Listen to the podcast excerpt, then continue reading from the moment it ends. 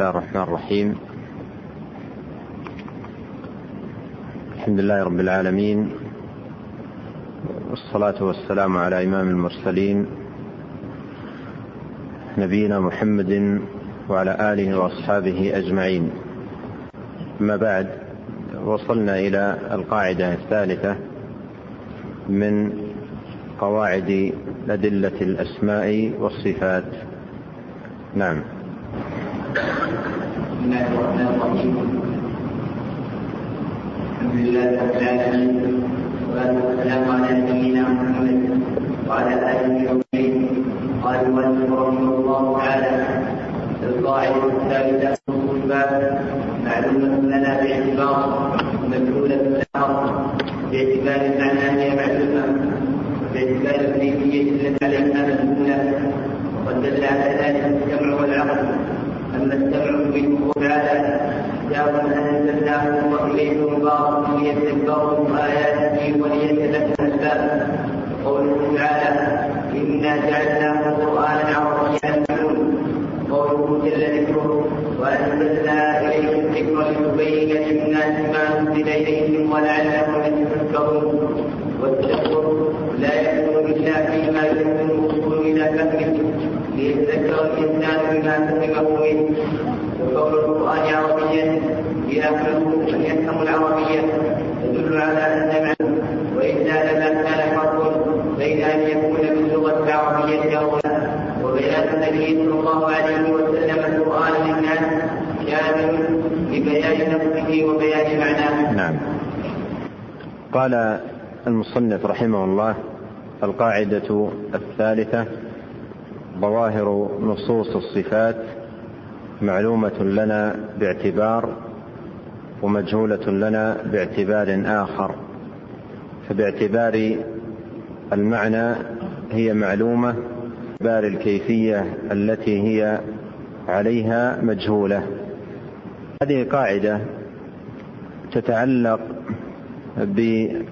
بظواهر نصوص الصفات.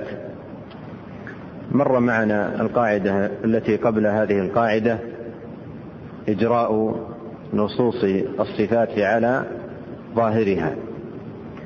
ومر معنا كلام على الظاهر وبعض التفاصيل المتعلقة به.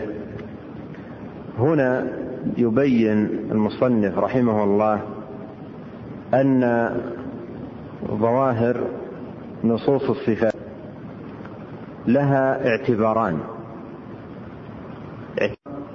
من حيث المعنى واعتبار من حيث الكيفية.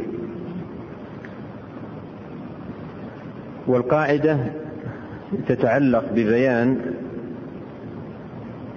فهم الظاهر على ضوء هذين الاعتبارين. الاعتبار الأول الذي هو المعنى. ظواهر نصوص الصفات معلومة ليست مجهولة. لأن معناها من حيث اللغة معلوم. فأنت إذا قرأت في القرآن غضب الله عليهم. أو قرأت رضي الله عنهم. الجملتان من حيث الدلالة على المعنى. واضحتان أو ليس فيهما وضوح في المعنى.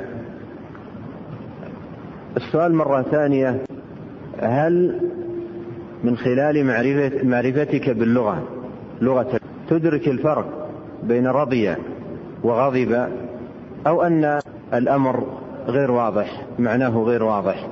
الجواب أن المعنى واضح. وكلنا من خلال اللغة نعرف الفرق بين رضي وغضب. أيضا لما نقرأ في ثم استوى على العرش. وكذلك نقرأ في السنة ينزل ربنا. ينزل استوى. هاتان الكلمتان من حيث المعنى. واضحتان؟ أو أن المعنى فيهما غير واضح. باعتبار المعنى ضوابط الصفات معلومة أو مجهولة. معلومة باعتبار معلومة لأن المعنى واضح. نحن خوف بالقرآن بكلام عربي مبين واضح بين وأمر وأمرنا بتدبر القرآن والتأمل في في آياته. ولو لم يكن معناه واضحا لما أمرنا بهذا. كيف يؤمر بواضح وما لا يفهم معناه؟ هذا لا يمكن. فظواهر نصوص الصفات من حيث المعنى معلومة. ليست مجهولة. من حيث المعنى معلومة. خلافا لما عليه المفوضة مفوضة المعاني الذي حدث المصنف عن آه، باطلهم. يقولون إن ظواهر نصوص الصفات من حيث المعنى ليست معلومة. الله أعلم بمعناها. بل يقولون بصريح العبارة إن ألف لام ميم وحاميم وكاف ها يا عين صاد ورحمن على العرش استوى وبل يداه مبسوطتان وغضب الله عليهم من المتشابه الذي الله أعلم به ما ندري ما هو. ألف لام ميم حاميم كاف يا عين صاد الرحمن على العرش استوى. غضب الله عليه كل هذه ما ندرى ما هي. المطلوب أن تقرأ هكذا قراءة مجردة. معناها الله أعلم به. نفوض علم معناها إلى الله. نفوض علم معناها معناها إلى الله تبارك وتعالى. وسيأتي كلام المصنف رحمه الله في آه، بطلان ما عليه هؤلاء. الشاهد أن نصوص الصفات من حيث المعنى معلومة لأن خطبنا بالقرآن العربي المبين وأمرنا بتدبره وآيات الصفات من جملة آية القرآن الواضحة المعلومة المعنى التي أمرنا بتدبرها. أما من حيث الاعتبار الآخر وهو الكيفية فهي مجهولة. من حيث الكيفية فهي مجهولة. كيفيتها الله أعلم بها. كيفيتها الله أعلم بها. ولهذا لاحظ آه، لاحظ هذين الاعتبارين. في كلمة الإمام مالك. الإمام مالك لما ذكر كلمته التي هي قاعدة تعتبر في باب الصفات عموما في جواب من سأله تعالى الرحمن على العرش استوى؟ قال كيف استوى؟ قال الاستواء غير مجهول والكيف غير معقول. لاحظ رحمه الله الاعتبارين. من حيث المعنى قال الاستواء غير مجهول ومراده غير مجهول أي معناه واضح. نعرف معنى في في لغة العرب. ونعرف الفرق بين استوى ونزل وغضب ورضي وضحك كل هذه نعرف الفرق بينها. ولا يلتبس علينا معناها. بل لا يلتبس معناها على آحاد الناس وعوام المعنى لا يلتبس على آحاد الناس وعوامهم. مثل غضب الله عليهم ورضي الله عنهم استوى على العرش ونحو ذلك. هذه معناها واضح حتى عند عوام المسلمين وآحاد المسلمين. معناها واضح. كل من يعرف اللغة العربية يعرف معاني هذه الكلمات من حيث دلالتها اللغوية غير مجهول أي معناه. والكيف غير معقول يعني باعتبار الكيفية غير معقول لا نعقله. باعتبار الكيفية لا نعقله. وقوله والكيف غير معقول أي مجهول. ولهذا في بعض روايات هذا الأثر عنه رحمه الله المعلوم والكيف مجهول. الاستواء معلوم والكيف إذا لاحظ رحمه الله آآ آآ آآ لاحظ الاعتبارين أيضا قوله ومعه طائفة من السلف في نصوص الصفات أمروها كما جاءت بلا كيف لاحظوا الاعتبارين أمروها كما جاءت؟ هذا فيه إيمانهم بما دلت عليه من معنى. ولا العبارة. وجمال الكلمة. قالوا أمروها كما جاءت. كما جاءت. كيف جاءت هي؟ حتى تستوضحون السؤال أكثر. هل جاء ألفاظ جوفاء لا معنى لها أو جاء معاني؟ إذا لما قالوا أمروها كما جاءت يكون إمرارها كما جاءت بإثبات المعاني التي جاءت محملة بها. فلو أن أحدا قال أمر لفظها وأتوقف في في المعنى أيكون أمرها كما جاءت؟ أبدا. ولهذا المفوضة مفوضة المعاني أنهم لم يمروا نصوص الصفات كما جاءت. لأنها هي, لأنها هي جاءت محملة بالمعاني وهم أمروا ألفاظها وأوقفوا معانيها. فلم يكونوا بذلك قد أمروا نصوص الصفات كما جاءت. السلف قالوا أمروها كما جاءت هذا فيه إثبات المعنى. وقولهم بلا كيف هذا فيه تفويض الكيفية وبيان وبيان جهلنا بالصفات من حيث الكيفية. إذا لاحظتم الاعتبارين بهما القاعدة هنا نصوص أو ظواهر نصوص الصفات معلومة باعتبار مجهولة باعتبار. معلومة من باعتبار المعنى ومجهولة باعتبار الكيفية. لو طرح عليكم سؤال وطلب منكم الإجابة عليه على ضوء فهمكم لهذه القاعدة الرصينة.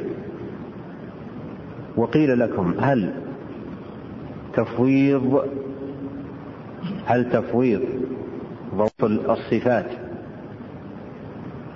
سائغ أو ممنوع؟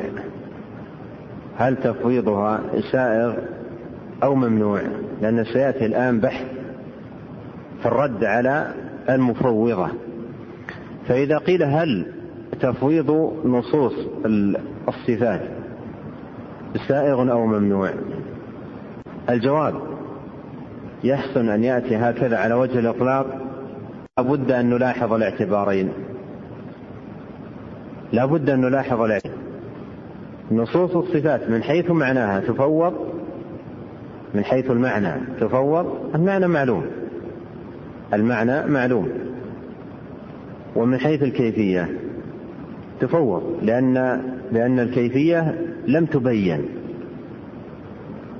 أما المعنى بين المعنى بين واضح. فما لم يبين نفوض معناه إلى الله سبحانه. وما بين نؤمن به وبمعناه. لا نقول عنه أنه غير مفهوم المعنى ومعناه مفهوم واضح. بل نؤمن به ونؤمن بمعناه الذي دل عليه. ولهذا التفويض. للمعنى فهو باطل. وسيأتي بيان والرد على القائلين به. وإن كان من حيث الكيفية فهو واجب. يجب تفويض نصوص الصفات من حيث كيفيتها. ولهذا فوض السلف حيث الكيفية. قالوا بلا كيف. وقال مالك رحمه الله والكيف غير معقول. هذا كله تفويض للكيفية. اذا ملاحظ الاعتبارين من أهم ما يكون في في فهم ظواهر نصوص الصفات وفي التعامل مع الأدلة أدلة الكتاب والسنة.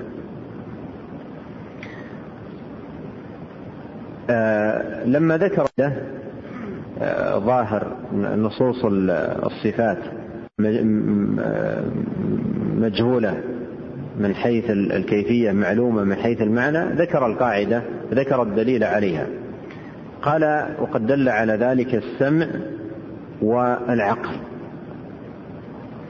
أما السمع ذكر ثلاث آيات ويحسن ملاحظتها على وجه الترتيب الذي سيبني عليها أيضا كلاما مرتبا ترتيب الآيات ذكر الآية الأولى من المناسب أيضا يوضع عليها رقم واحد. الآية الأولى كتاب أنزلناه إليك مبارك ليدبروا آياته وليتذكر أولو الألباب. آه ليذكروا نعم ليدبروا آياته أنزل أنزل لتتدبر آياته لتتدبر آياته ويتأمل في معانيه. فإذا كان أعظم ما فيه وهو التوحيد أعظم ما في القرآن وهو التوحيد وأسماء الله وصفاته معلومة. ليست معلومة المعنى. كيف يكون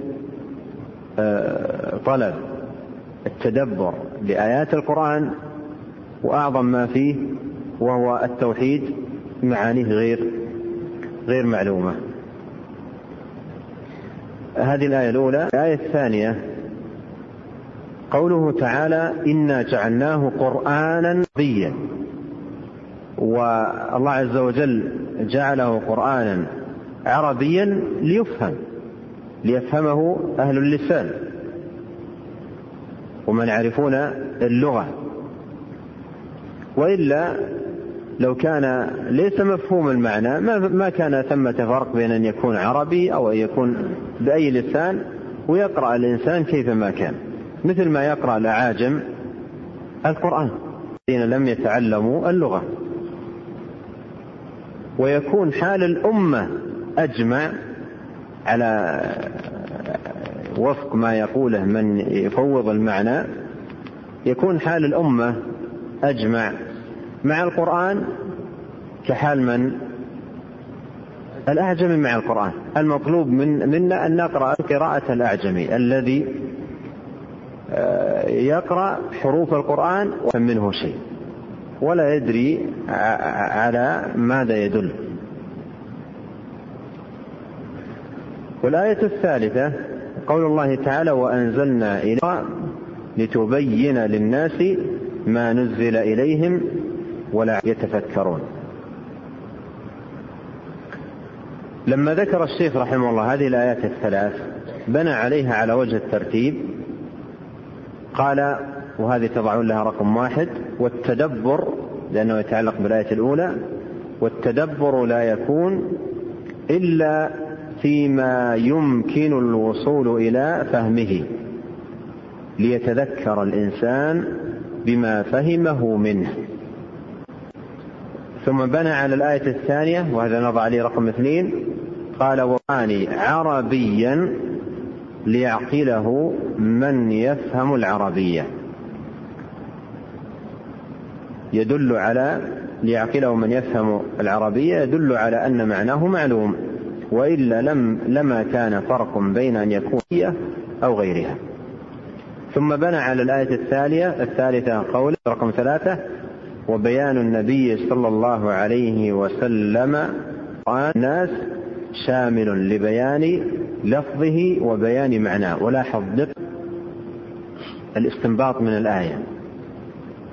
الآية يقول الله فيها وأنزلنا إليك الذكر لتبين للناس ما نزل إليهم. تبين لهم.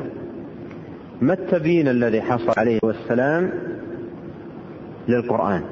بين للناس أقرأهم ألفاظ القرآن؟ هل هذا التبيين الذي آه، أنزل الله عز وجل الذكر عليه من أجله لتبين للناس ما نزل إليهم. هل بيان النبي صلى الله عليه وسلم للناس ما نزل إليهم؟ هل هو لألفاظ فقط؟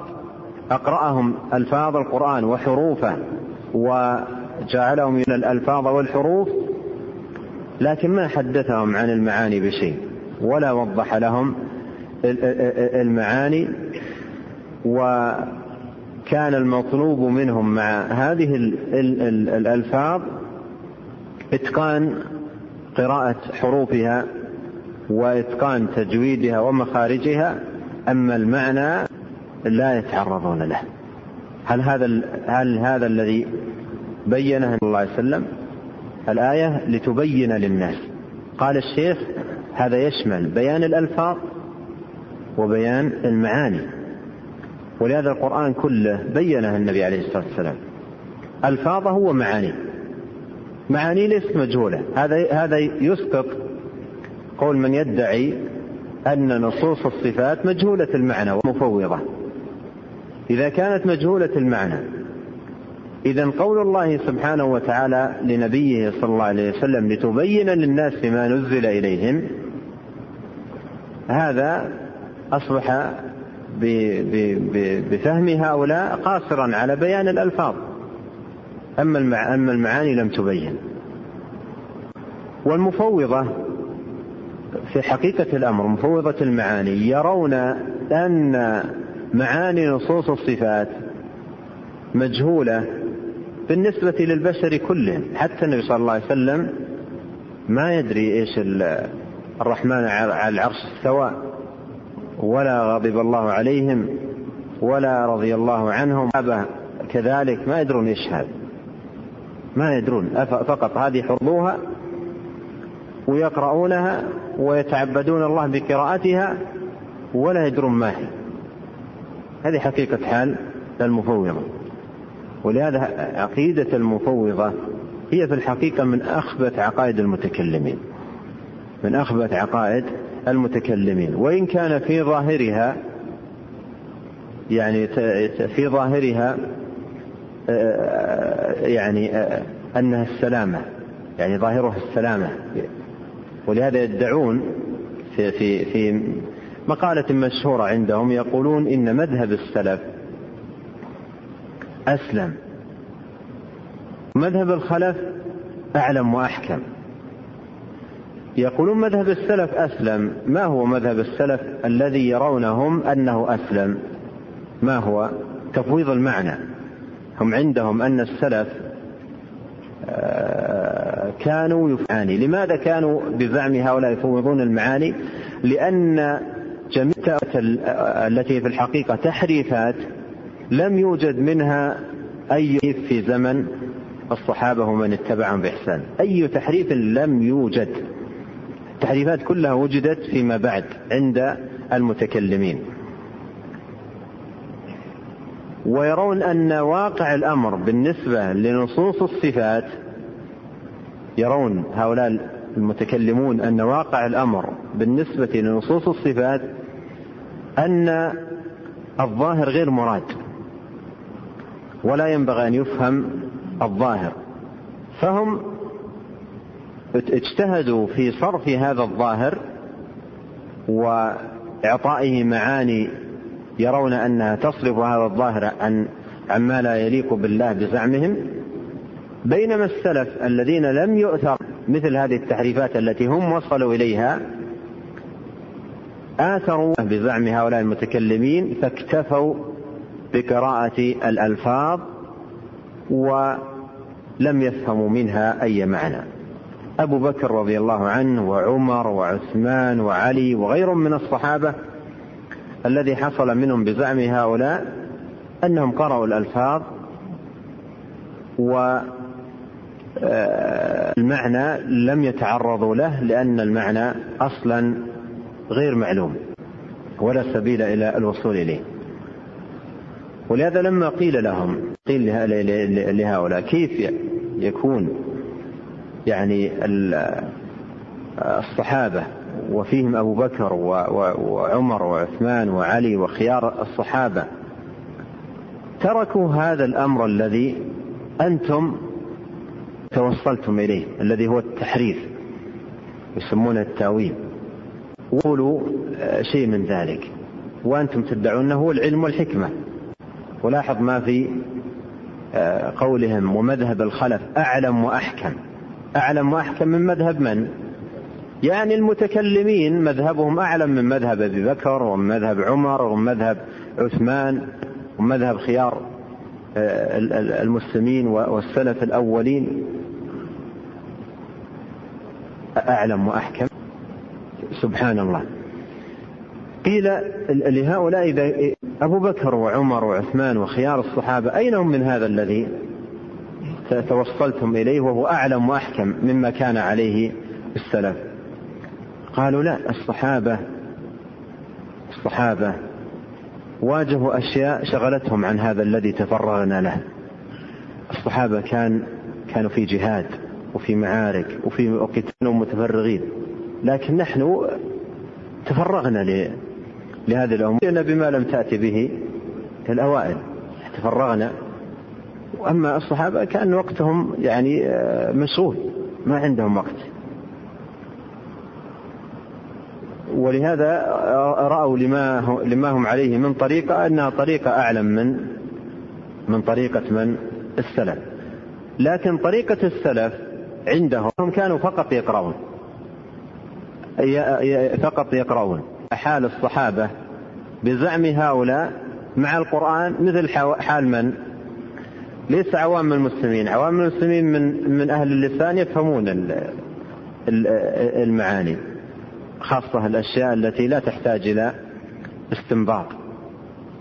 لأن نوع من أنواع التفسير كما يقول ابن عباس رضي الله عنهما تعرفه العرب من لغتها. الآن لما تقرأ شهر رمضان الذي يشرح لك كلمة شهر ما هي؟ رمضان ما هو؟ أنزل ما هو؟ القرآن. واضح. في أشياء لا تظهر إلا بالاستنباط. أما كثير من الآيات تعرفه العرب من اللغة. ما يحتاج إلى ما يحتاج إلى إلى شرح. أفلا ينظرون إلى كيف خلقت وإلى السماء كيف رفعت وإلى الجبال كيف نصبت وإلى الأرض كيف. يحتاج العرب أن يقال, أن يقال الإبل هو ذاك الحيوان الذي كذا وكذا والجبل المراد به؟ والسماء الم... واضحة هذه. يعني أشياء تعرفها العرب من لغتها. فعلى قول هؤلاء المفوضة أصبح حال مع القرآن ومع القرآن كحال الأعجمي. ليس حال عوام المسلمين وإنما حال الأعجمي مع القرآن الذي حفظ حروف القرآن ولا يفهم منه شيء.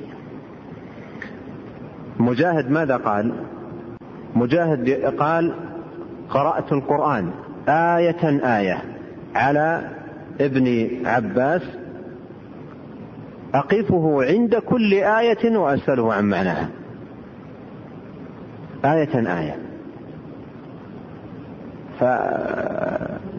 ثم يأتي هؤلاء ويدعون في حق هؤلاء الصحابة أنهم ما كانوا يفهمون المعاني. انتقل بعد هذا المصنف رح لذكر الدليل العقلي على أن ظواهر النصوص من حيث معلومة ومن حيث الكيفية مجهولة نعم وأما العبد فلأن من السبحان أن ينزل الله تعالى كتابا أو يتكلم رسوله صلى الله عليه وسلم بكلام يقصد بهذا الكتاب أن يكون هداية للخلق ويبقى في أعمى المعنى منزلة البدائية التي لا منها شيئا لأن أباه الله تعالى وقد قال الله تعالى عن ثم فصلت من حكيم على علمها بمعاني نعم. هذا الآن الدليل العقلي يعني مر معنا الأدلة السمعية على أن نصوص الصفات من حيث معناها مجهول معلومة. والآن يذكر الدليل العقلي على أن نصوص الصفات من حيث معناها معلومة. من حيث معناها معلومة. فيقول الشيخ من المحال من المحال أن ينزل الله كتابا أو يتكلم رسوله صلى الله عليه وسلم بكلام يقصد بهذا الكتاب الذي هو القرآن وهذا الكلام الذي هو السنة أن يكون هداية خلق ويبقى في أعظم الأمور وأشدها مجهول المعنى بمنزلة الحروف الهجائية. قوله في أعظم الأمور وأشدها ضرورة أي ماذا؟ التوحيد. التوحيد الذي هو أعظم الأمور وأشدها ضرورة هذا يعني من المحال أن يكون القرآن أنزل لهداية الخلق لهداية الخلق وأمروا بتدبر قوله وأخذ الهداية منه.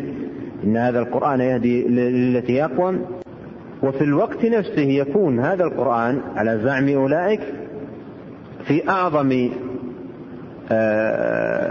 ما يدعو إليه مجهولا مجهول المعنى. أعظم ما يدعو إليه توحيد الله عز وجل.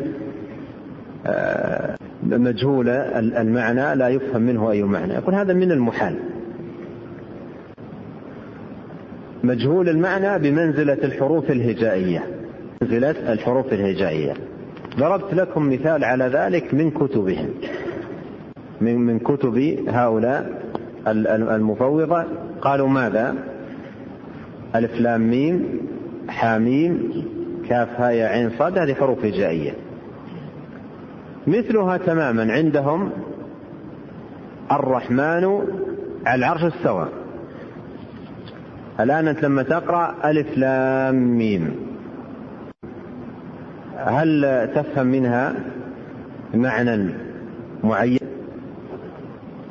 العلماء ذكروا لها مقاصد. لا ذكروا لها مقاصد لكن هي حروف حروف ولها مقاصد. ذكرها أهل العلم. فهذه الحروف ألف لام ميم حاميم وقاف كاف هاء عين صاد صاد وغيرها من الحروف. هل الشأن في آيات الصفات كالشأن في هذه الحروف المقطعة؟ هل الشأن في قول العرش استوى بل يداه مبسوطتان غضب الله عليهم رضي الله عنهم إن رحمة الله قريب من المحسنين ونظائرها من الآيات؟ هل الشأن فيها كالشأن في الحروف المقطعة؟ عند مفوضة المعاني هما سواء ولا فرق بين البتة. وهذا معنى قول الشيخ بمنزلة فائية التي لا يفهم منها شيء لأن ذلك من السفة الذي تأباه حكمة الله تعالى. وقد قال الله تعالى عن كتابه كتاب أحكمت آياته ثم فصلت من لدن حكيم خبير. أحكمت آياته. وهذا فيه أن القرآن كله محكم. هذا فيه أن أن القرآن كله محكم والإحكام هنا الإتقان والكمال والحسن.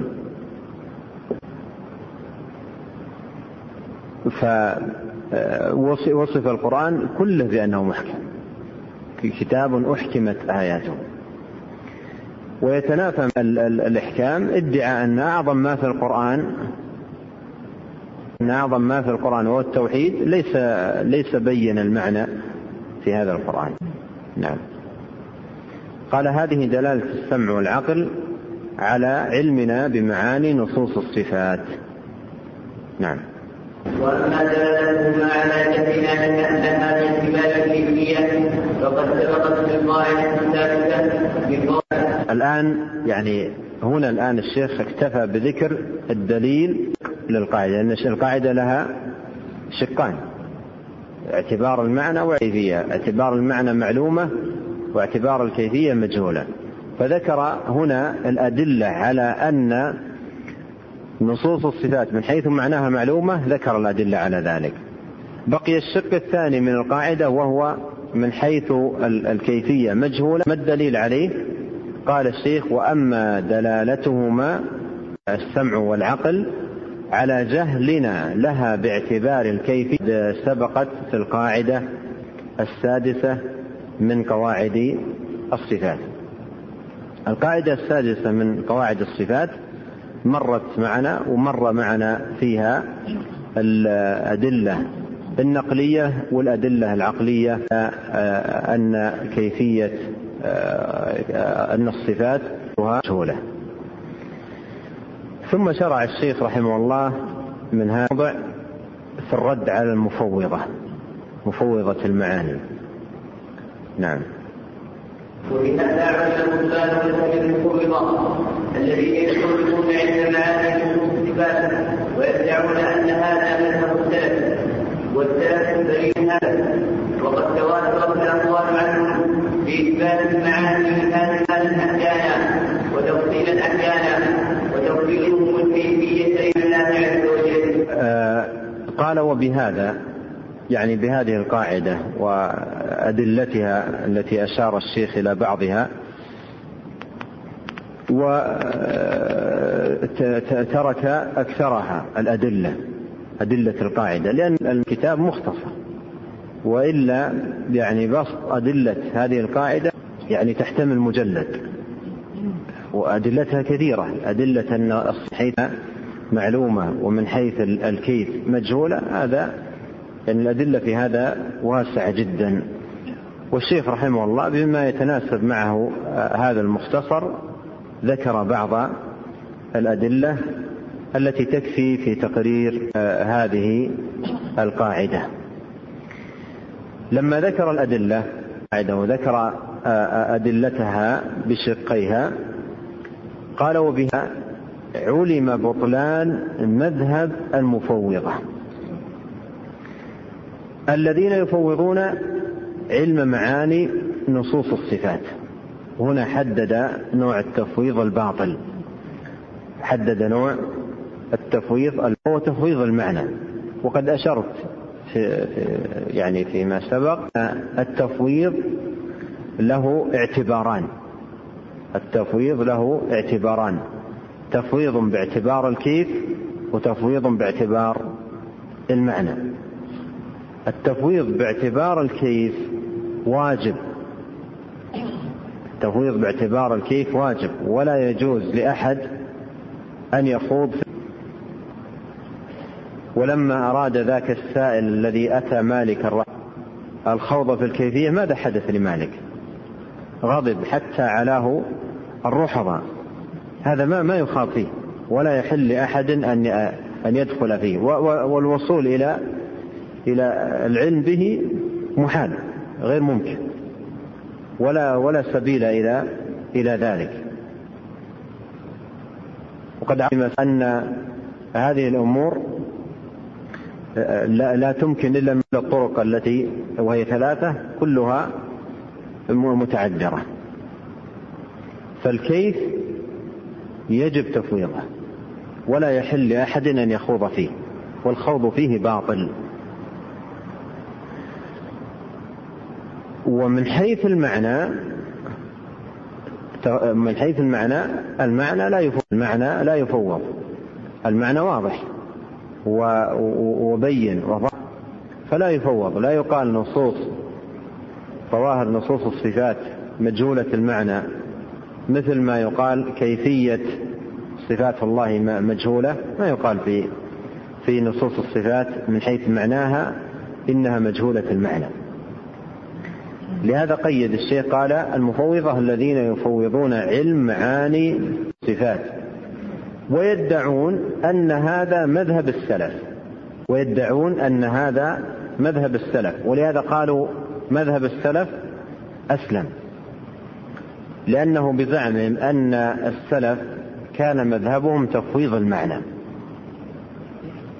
أريد أسألكم سؤال أجبت عليه أنا فيما إجابة سريعة. أجبت عليه سريعة. ما الذي جعل هؤلاء المتكلمين يدعون أن مذهب السلف التفويض تفويض المعنى. من أين جاءتهم؟ من نعم.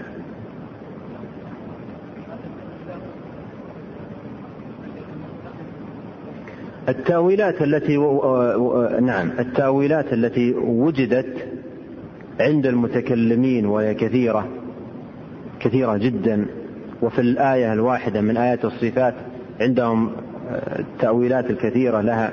يقول أحدهم الاستواء له 15 معنى اليد لها كذا معنى. هذه التأويلات الكثيرة مستكرهة التأويلات هل كانت موجودة عند السلف؟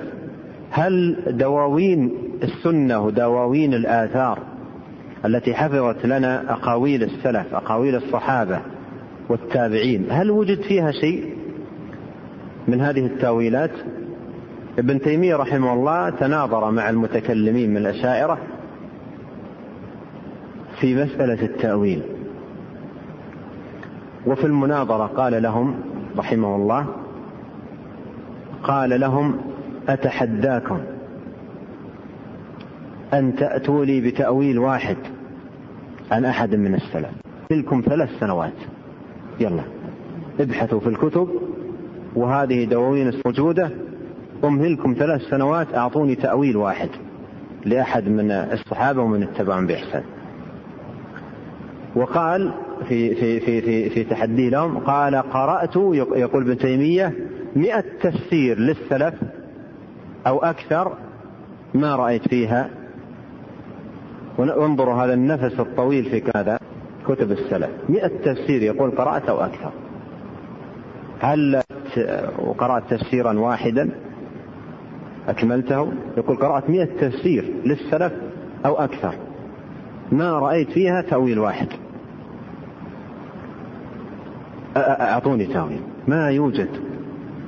لما لم يجد هؤلاء هذه التأويلات التي هم توصلوا إليها وتوصل إليها أشياخ لم يجدوها في كتب السلف وفي دواوين السنة والآثار التي حفظ السلف لما لم يجدوها وبات من المتقرر عندهم لزوم صرف هذا الظاهر ولم يروا أن السلف قد اشتغلوا بصرفه قالوا ماذا؟ السلف كانوا يفوضون المعنى كانوا يفوضون المعنى وتفويض المعنى أسلم. السلف رضي الله عنهم الصحابة ومن اتبعهم بإحسان. هل كانوا يفوضون المعنى؟ هذه تهمة خطيرة وجناية واعتداء على السلف رحمهم الله. هي من أشد الجنايات.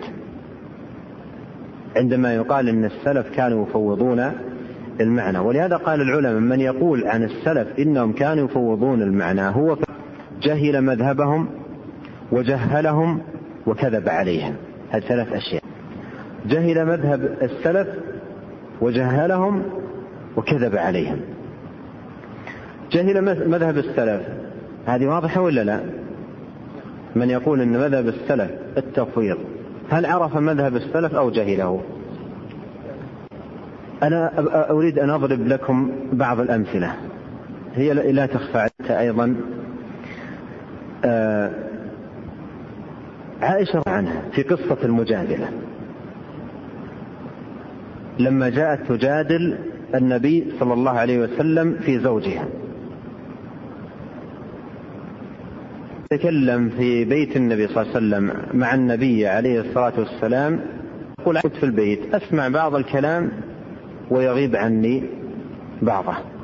وما أن انتهت المجادلة من مجادلتها للنبي صلى الله عليه وسلم إلا وقد نزل الله تعالى قد سمع قد سمع الله قول التي تجادلك في زوجها وتشتكي إلى الله والله يسمع وركما إن الله سميع بصير.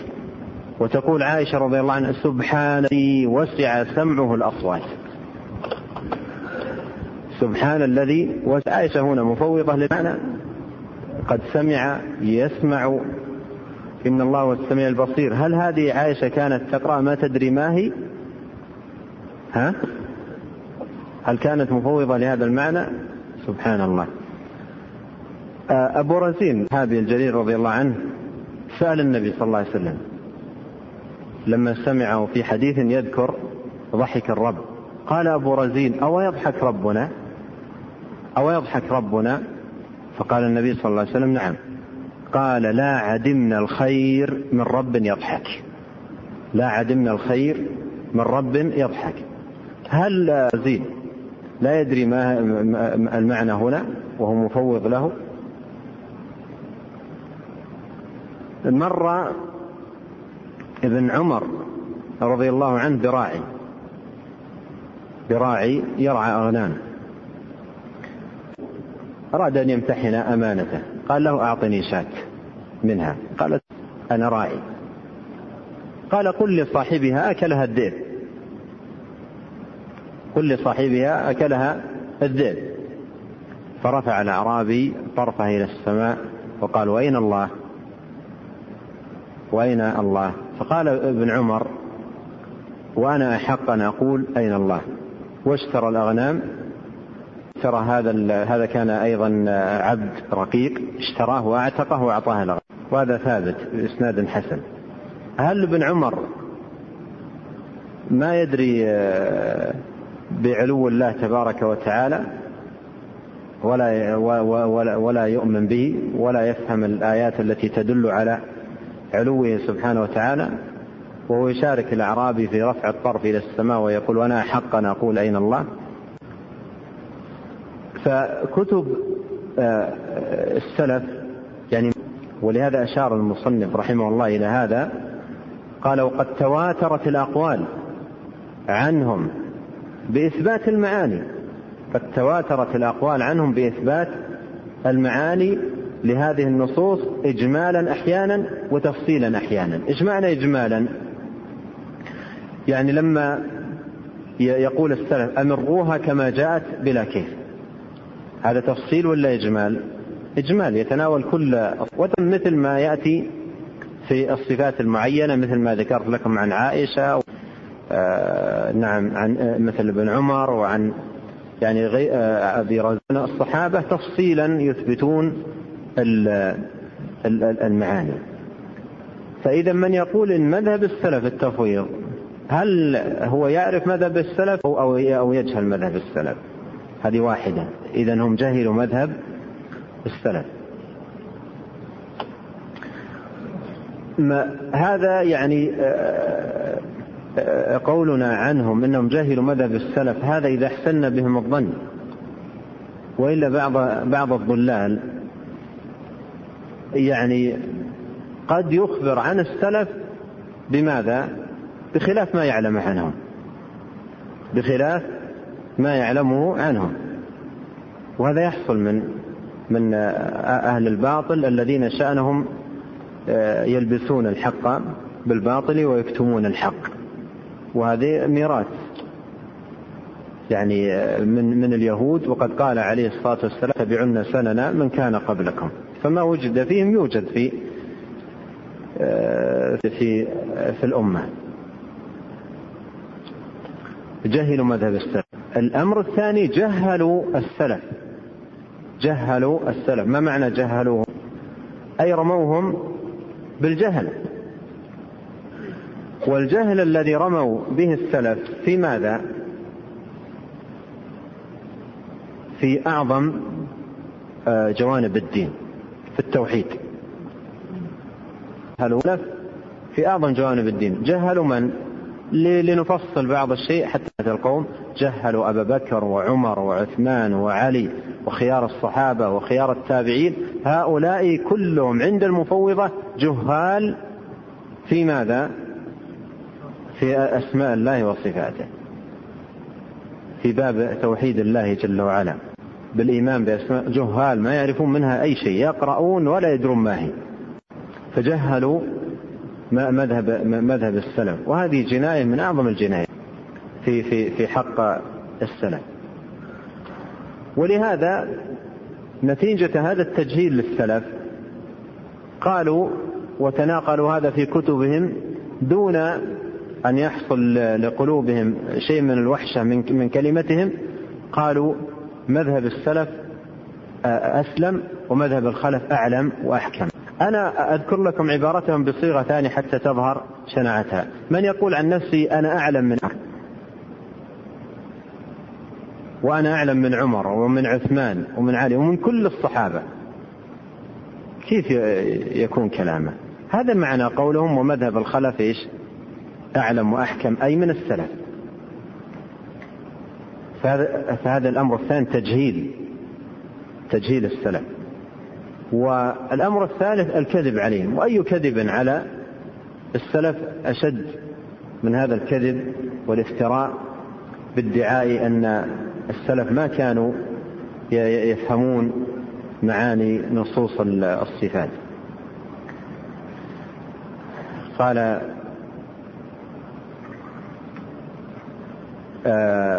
وقد تواترت الأقوال عنهم بإثبات المعنى لهذه النصوص إجمالا أحيانا وتفصيلا أحيانا وتفويضهم لكيفية نعم لكيفية الكيفية إلى علم الله عز وجل. ثم نقل الشيخ رحمه الله نقل عظيم جدا عن شيخ الإسلام من كتابه العقل والنقل. نعم. قال رحمه الله قال شيخ الإسلام ابن تيمية رحمه الله في كتابه المعروف بالعقل وأما التفويض من المعلوم أن الله أمرنا بتدبر القرآن وعقله وفهمه فكيف يجوز ما ذلك ان يراد به الاعراض عن حكمه ومعرفته وعقله إذا قال وحينئذ فيكون ما وصف الله به نفسه في القرآن أو كثيرا مما أخبر بما وصف الله به نفسه لا يعلم الأنبياء معناه بل يقولون كلاما لا يعلمون معناه. قال أو أعلمون أن هذا في القرآن والأنبياء؟ قال الله أنزل وأن جعل هدى وبيانا للناس وأمر الرسول صلى الله عليه وسلم أن يبلغ البلاغ المبين وأن يبين للناس وأمر الرسول صلى الله عليه وسلم أن يبلغ البلاغ المبين وأن يبين الناس إليهم وأمر بتدبر القرآن وعقله ومع هذا أشرف ما فيه وهو ما أخبر به الرب عن لا يعلم أحد معناه فلا فلا يعقل ولا يتدبر ولا يكون الرسول بين للناس ما أنزل إليهم ولا بلغ البلاغ المبين وعلى هذا التقدير فيقول كل مسلم ومبتدع الحق في نفس الأمر ما برايي وعقلي بما يناقض ذلك لأن تلك النصوص مشكله متشابهه ولا يعلم احد معناها وما لا يعلم احد معناه لا يجوز ان يستدل به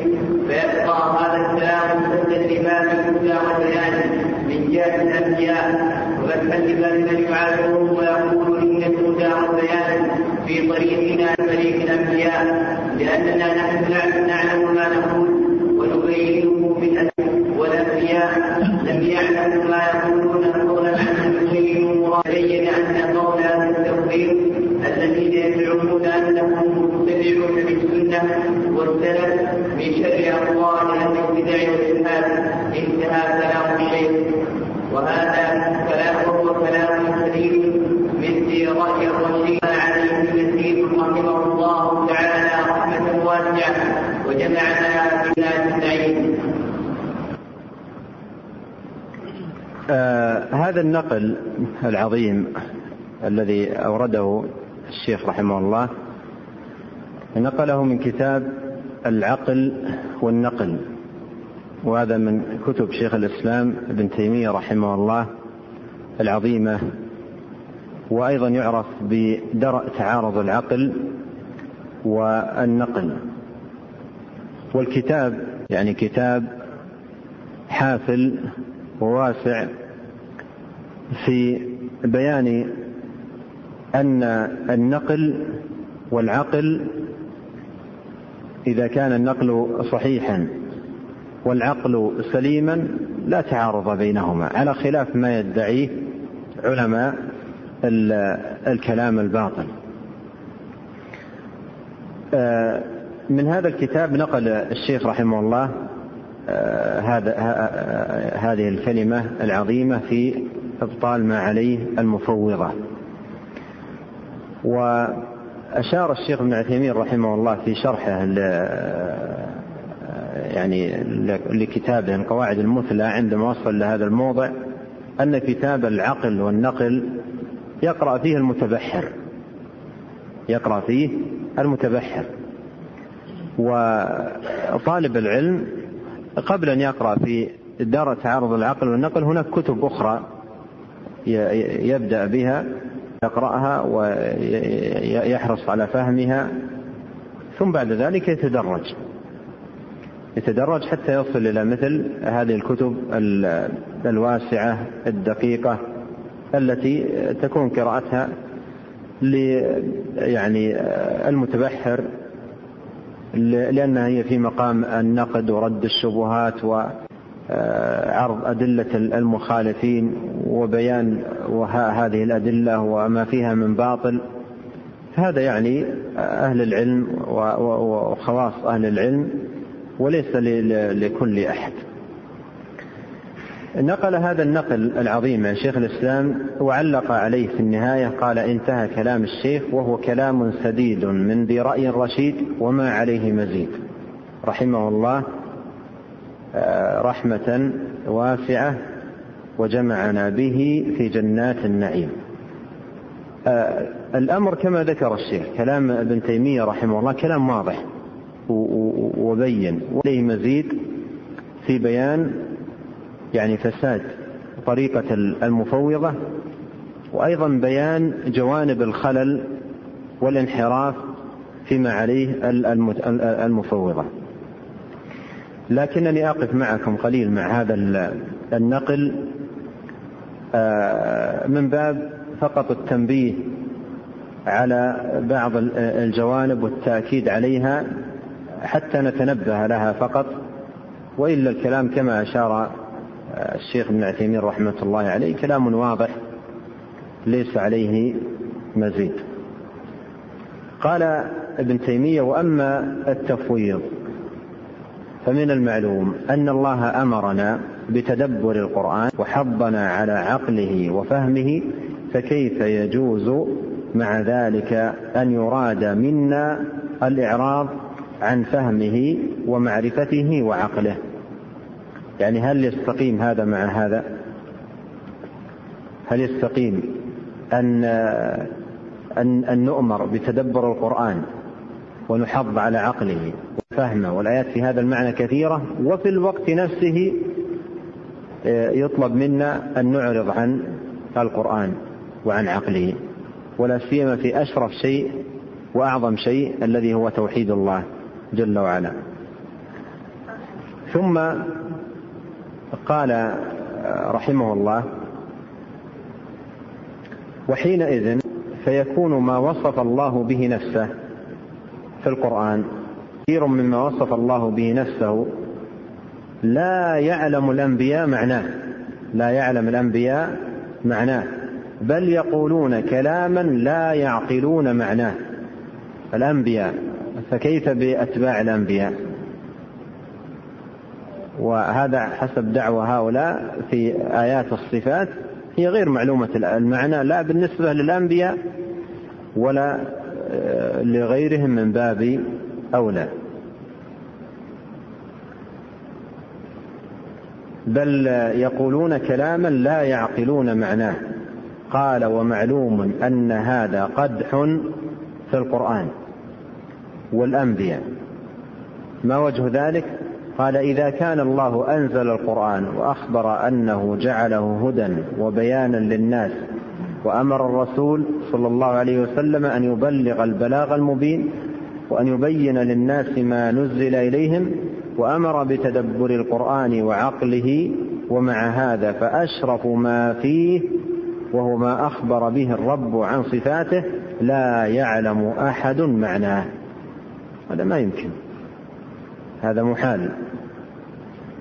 قال فلا نعم فلا يعقل فلا يعقل ولا يتدبر ولا يكون الرسول صلى الله عليه وسلم بين للناس ما نزل إليهم ولا بلغ البلاغ المبين. وعلى هذا التقدير. أيضا هذا وجه آخر. هذا وجه آخر في إبطال يعني آه، ما عليه المفوضة. وبالمناسبة أنت إذا وجدت في وقتك ساعة آه، جلست مع هذا النص تجزئ إلى أجزاء في إبطال ما, ما عليها المفوضة تجزأ النص إلى أجزاء بحيث يكون فقرات في إبطال مقالة هؤلاء. وتستخرج منه يعني فقرات كثيرة في بيان ما يعني آه، فساد ما عليه المفوض قال وعلى هذا التقدير فيقول كل ملحد الحق في نفس الأمر ما علمته برأيي وعقلي وليس في النص في النصوص ما يناقض ذلك لأن تلك النصوص مشكلة متشابهة ولا يعلم ولا يعلم أحد معناها. الآن إذا قيل إن ظواهر نصوص الصفات غير معلومة المعنى غير معلومة المعنى. هذا فيه من جهة سد لفهم الاعتقاد الحق من القرآن وفيه في الوقت نفسه فتح لأبواب الباطل على مصراعيها ليقودها فلما يقال إن, إن, إن نصوص الصفات غير معلومة المعنى هذا فيه سد لأخذ العقيدة من القرآن. وأيضا في الوقت نفسه في فتح الباب. ليقول كل من شاء ما شاء. لأن لأن إذا كانت العقيدة لا تؤخذ من القرآن وأمر التنزيه ووصول إلى عقول البشر انظر ماذا سيأتي من العقائد. ليس ما, ما, ما سيأتي بل ما أتى. كتب المقالات وكتب الفرق وكتب مليئة بالعقائد المختلفة التي أساسها مثل هذا الأمر. وكلها باطلة وليس الحق إلا ما دل عليه كتاب الله عز وجل. يقولون لأن تلك النصوص مشكلة متشابهة يعلم أحد معناها وما لا يعلم أحد معناه لا يجوز أن يستدل به أن يستدل به. لاحظ الآن كيف قطع الطريق على آه، من يتبع هؤلاء للأخذ من القرآن. إذا جئت إلى أحدهم وقلت له الرحمن على قال الله تعالى الرحمن على العرش استوى تريد تثبت منها العلو. إيش يقول لك؟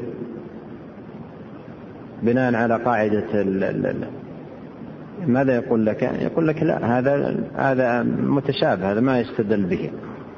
هذا ضعه على جنب هذا لا يصلح أن يستدل هذا كلام متشابه غير مفهوم. هذا أتركه. وهو العلي. هذا يدل على علو. لا يقول لك لا أبدا. هذا كلام متشابه غير مفهوم.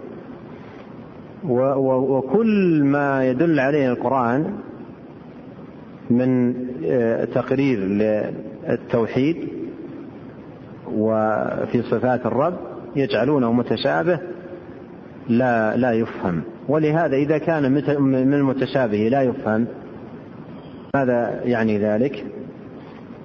لا يستدل به.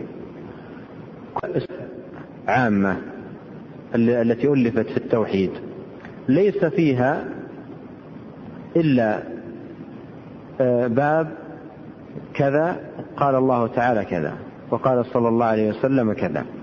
باب لله اليدين قال الله تعالى وقال صلى الله عليه وسلم كلها قائمة على هذه الطريقة فإذا مكن لهذا القول الذي يقوله هؤلاء المفوضة كل كتب السلف هذه في العقيدة هذه غير صالحة لماذا؟ لأنها قائمة على المتشابه الذي لا يفهم معناه ولهذا هذه قطع طريقة يعني قطع للطريق للاستفادة من القرآن والاستفادة كلام السلف. ولهذا قد يزول عنك العجب بعض الشيء. هؤلاء يقولون بهذا القول مع أن الآيات واضحة. أنت قد تعجب. يعني قد يأتيك العجب. تقول كيف يقولون بمثل هذا والقرآن أمامهم واضح؟ ما الذي جعلهم لا يقولون بما دل عليه القرآن؟ أشياخهم قطعوا عليهم الطريق ونصحوهم. قالوا لهم بالنسبة للقرآن يقرأ لمجرد إيش؟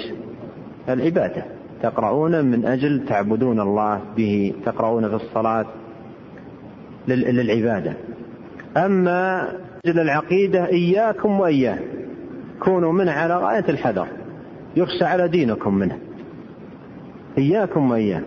لو تأخذ شيء منه أو من من ولهذا بعضهم صرح. قال ظواهر القرآن كفر. صرح بعضهم واقرأ يعني كلام الشيخ في رد على بعض من قال ذلك.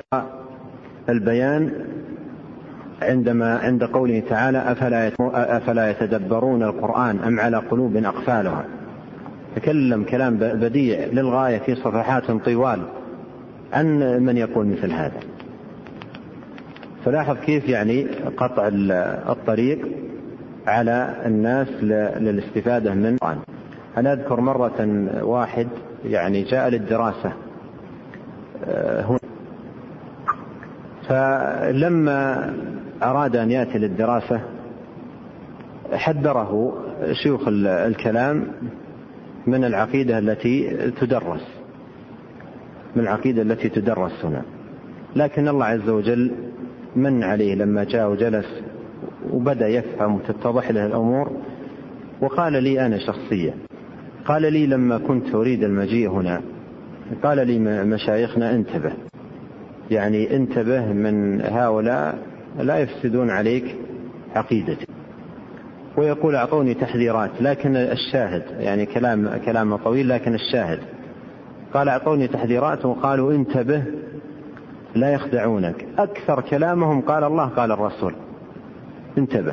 يعني لا يخدعونك. يعني أكثر كلامهم قال الله الرسول.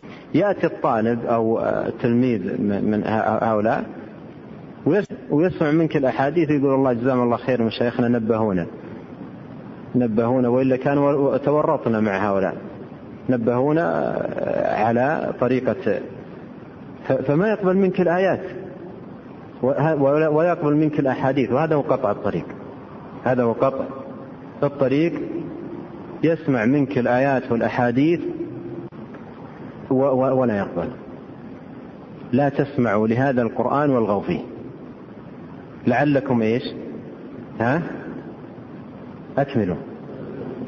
لعلكم تغلبون آه، يعني سبحان الله القرآن لا تؤخذ عقيدة والسنة لا يؤخذ منها عقيدة والعقيدة تؤخذ من جهم وميزة من أئمة الضلال ورؤوس الباطل. فلا فتأمل كلام الشيخ. يقول فيبقى هذا الكلام يعني بهذه الطريقة سدا لباب الهدى والبيان من جهة الأنبياء لباب من يعارضهم وفتحا لباب من يعارضهم.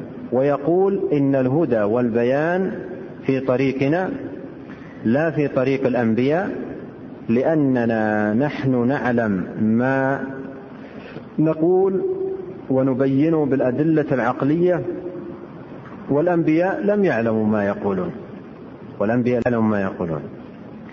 فضلا عن أن يبينوا فتبين أن قول أهل التفويض الذين يزعمون أنهم متبعون للسنة والسلف من شر أقوال أهل البدع والإلحاد. وهذه ضع عندها إشارة حتى ما تذهب عن ذهنك. مقالة أهل التفويض من شر مقالات أهل البدع والإلحاد. مع أن قد تنطلي على كثير من من الجهال على أن الأمر أسلم. على اعتبار أن الأمر أسلم وحتى لا يقع الإنسان في خطأ يترك. فوض المعنى واترك الأمر. وأنت وأنت تقرأ القرآن أنت لا تفهم منه أي شيء. قد يظن الجاهل أن, أن هذا أسلم مع أن هذا السم الزعاف. ويعني الضلال العظيم والحرمان من الخير. إذا كانت العقيدة لا تؤخذ من كلام الله سبحانه وتعالى وإنما تؤخذ من شيوخ أهل الضلال. هنا أمر يعني لا يناسب الإشارة إليه. يشترك كثير من أهل الباطل في هذه الطريقة لرد النصوص. يشترك أهل الباطل في, في هذه الطريقة لرد النصوص المخالفة للمتقرر عندهم من المعتقد. المخالفة للمتقرر عندهم من المعتقد. ووجدوا أن هذا أسلم حل الانفكاك من إلزامهم بدلالة القرآن ودلالة السنة. فتوصلوا إلى هذه الطريقة. القرآن جعل القرآن في آه، خلاف يعني في كل ما يخالف ما يعتقدون أمرا متشابه لا يفهم معناه. ولا ينبغي لأحد أن يتعرض لمعناه. وهذه في الحقيقة جعلوها يعني سد لهم لرد كل ما يخالف ما يعتقدون أو كلام رسوله عليه الصلاة والسلام. وهم يشتركون في هذا لكن بطريقة أو بأخرى. لكنها في الجملة كلها تدور على رد القرآن وجعله وجعله من المتشابه. ومن لطيف ما مر معي في في في في هذا. وعلى هذا النسق أحد عوام المسلمين من أهل التوحيد رأى رجلا بالله يستغيث بالمقبورين من دون الله ويستنجد بهم. فبين له أن هذا هو هو هو الصراح الذي يناقض آه، التوحيد الذي خلقنا لأجله ووجدنا لتحقيقه. وذكر له آية من القرآن. إن الله لا يغفر أن يشرك به ويغفر ما دون ذلك لمن يشاء. فقال له هذا الرجل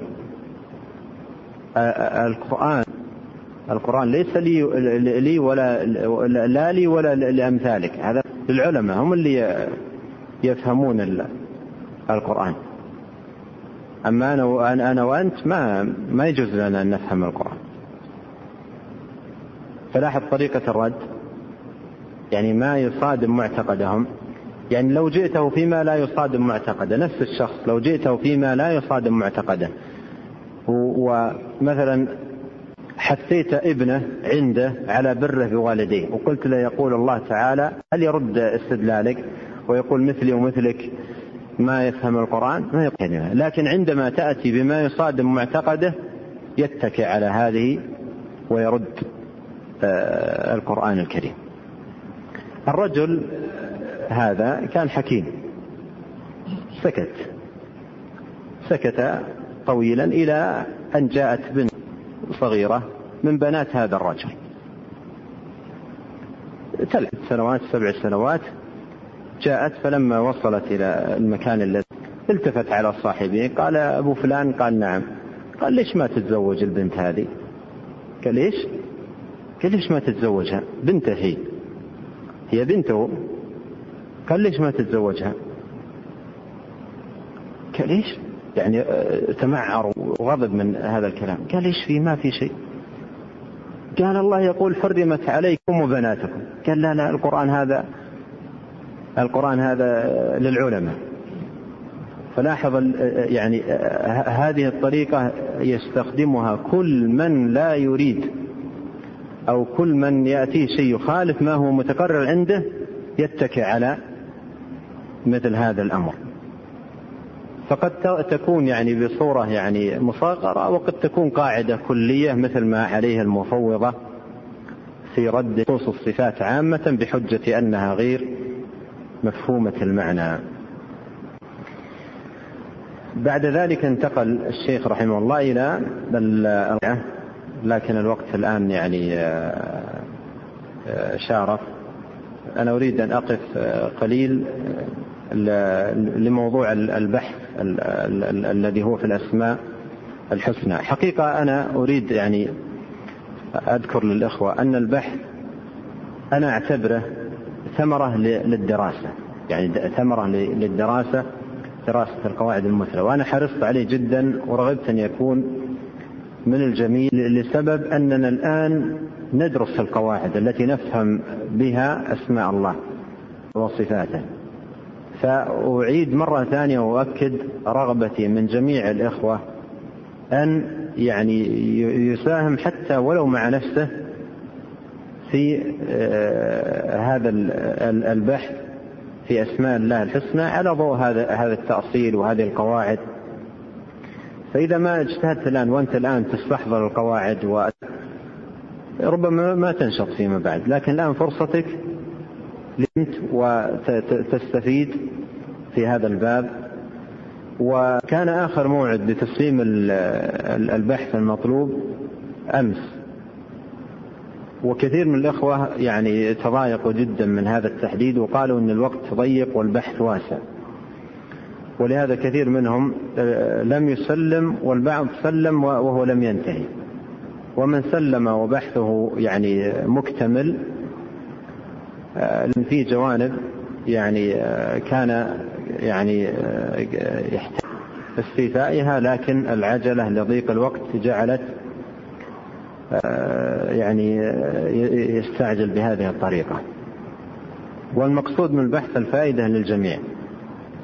وكان من المقرر أن أنتهي من التدريس في يوم الثلاثاء في يوم الخميس القادم لكن مددنا إلى يوم الثلاثاء القادم إن شاء الله. ولهذا تبعا للتمديد للدورة رأيت من المصلحة وأيضا لطلب كثير من الإخوة حتى أن بعضهم ظهر على وجهه الغضب من من التحديد وقال أنا الآن وصلت إلى سبعين وكيف انتهى وهذا من حرص الحرص على الخير فحتى يبقى تواصل الجميع مع البحث واستكماله وإتمامه نؤجل تسليم البحث إن شاء الله إلى يوم الأحد القادم بعد الدرس مباشرة. إلى يوم الأحد وعندكم الآن فرصة طويلة والخميس والجمعة والسبت وأيضا بقية اليوم يوم الأربعاء. ويوم الأحد القادم بعد الدرس هو آخر موعد لاستلام البحث. وأيضا أكرر رجائي وطلبي من الإخوة أن يكون هناك يعني تضافر وتعاون من أجل الفائدة للجميع. أنا أرغب حقيقة أن وأيضا أريد أعيد. في بعض الإخوة قصرت بعض الجوانب عندهم. لا أدري هل لم يفهموا ما طلبت أو أنهم فأنا أعيد الأشياء المطلوبة من باب التذكير. أولا الاسم الأسماء تأتي بها مرتبة على ضوء ما هنا في الكتاب. يعني على ضوء ترتيب الشيخ ابن عثيمين تأتي بها مرتبة. هذا يعني أنا طلبته منكم سابقا وأكدت عليه. فنفس الأسماء التي ذكر الشيخ على نفس الترتيب الذي ذكر تأتي بها مرتبة. ثم كل اسم منها تذكر له دليلا القسم الذي قال الشيخ أنه أخذه من القرآن تذكر دليله من القرآن. والقسم الذي قال الشيخ أنه أخذه من السنة تذكر دليله من السنة ويكفي دليلا واحدا. هذا الأمر. الأمر الثاني تبين معنى هذا الاسم. تبين معنى هذا الاسم. ما معناه؟ ما المعنى الذي يدل عليه هذا الاسم؟ والأمر الثالث تبين الصفة التي دل عليها الاسم. هل هي لازمة أو متعدية؟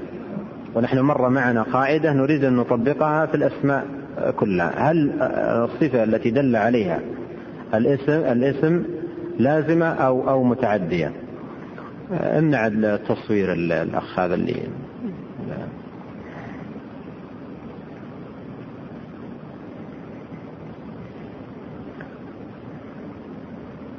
هل هل الصفة التي دل عليها الاسم صفة لازمة أو صفة متعدية؟ عندما تقول أنا رأيت البعض يكتب لازمة وبعض يقول متعدية ويكتفي. إذا كانت لا بأس يعني يكفي أن تقول لازمة. إذا كانت متعدية وضح هذا التعدي. يعني مثلا من أسمائه الغفور تقول هذا اسم متعدي فإن الله عز وجل يغفر لعباده المؤمنين. الرحيم يرحم المحيي يحيي وهكذا حتى يعني أطمئن أنك فعلا متضح لك يعني أن هذا هذه الصفة دلت على أن هذا الاسم دل على صفة متعدية. فهذا أمر. أمر آخر أيضا طلبناه الآثار التعبدية التي يقتضيها هذا الاسم وهذه أيضا رأيتها غير واضحة عند عدد من الأخوة فأوضحها الآن إذا آمنت بأن من أسماء الله التواب ما الآثار التعبدية؟ أي ما العبادات التي تكون منك يقتضيها هذا الاسم يقتضيها إيمانك بأن الله تواب؟ وما العبادات التي يقتضيها إيمانك بأن الله السميع؟ ما العبادات التي يقتضيها إيمانك بأن الله بصير؟ تتحدث عن ثلاث أنواع ثلاث يعني أنواع من الآثار التعبدية التي يقتضيها إيمانك بهذا الاسم. فتتأمل الاسم ماذا يقتضي إيمانك به؟ من من عبوديات هي من موجبات الإيمان بهذا الاسم مقتضيات ومقتضيات الإيمان به. أيضا أريد مقدمة مختصرة تبين فيها ماذا فعلت في البحث. يعني بعض الإخوة قدموا فقط الأسماء لكن ماذا فعلت؟ وما الطريقة التي سلكتها؟ فمقدمة قصيرة يعني تتكلم فيها عن أهمية هذا الموضوع وعن طريقتك التي سلكتها فيه فعل عدد من الإخوة وعدد من منهم لم يفعل. البحوث التي استلمتها بالأمس جئت بها معي وهي موجودة في المسجد مع أحد الإخوة. فمن أحب أن يستلم بحثه ليستكمله فله ذلك ومن رأى أن بحثه يعني بالصورة التي يرتضيها وليس عنده زيادة فيه له أن يتركه ويبقى عندي البحث. وآخر موعد للتسليم هو يوم الأحد القادم. أعيد شيئا ربما أثقلت عليكم بإعادته. مقصود البحث أن نتعاون على دراسة هذه القواعد حتى نستفيد. ورغبتي من الجميع أن ينشطوا في هذا الأمر. للفائدة ليس إلا وأسأل الله أن يتولاكم أجمعين بتوفيقه وأن يسددنا وإياكم على الهدى والحق وصلى الله وسلم على نبينا محمد.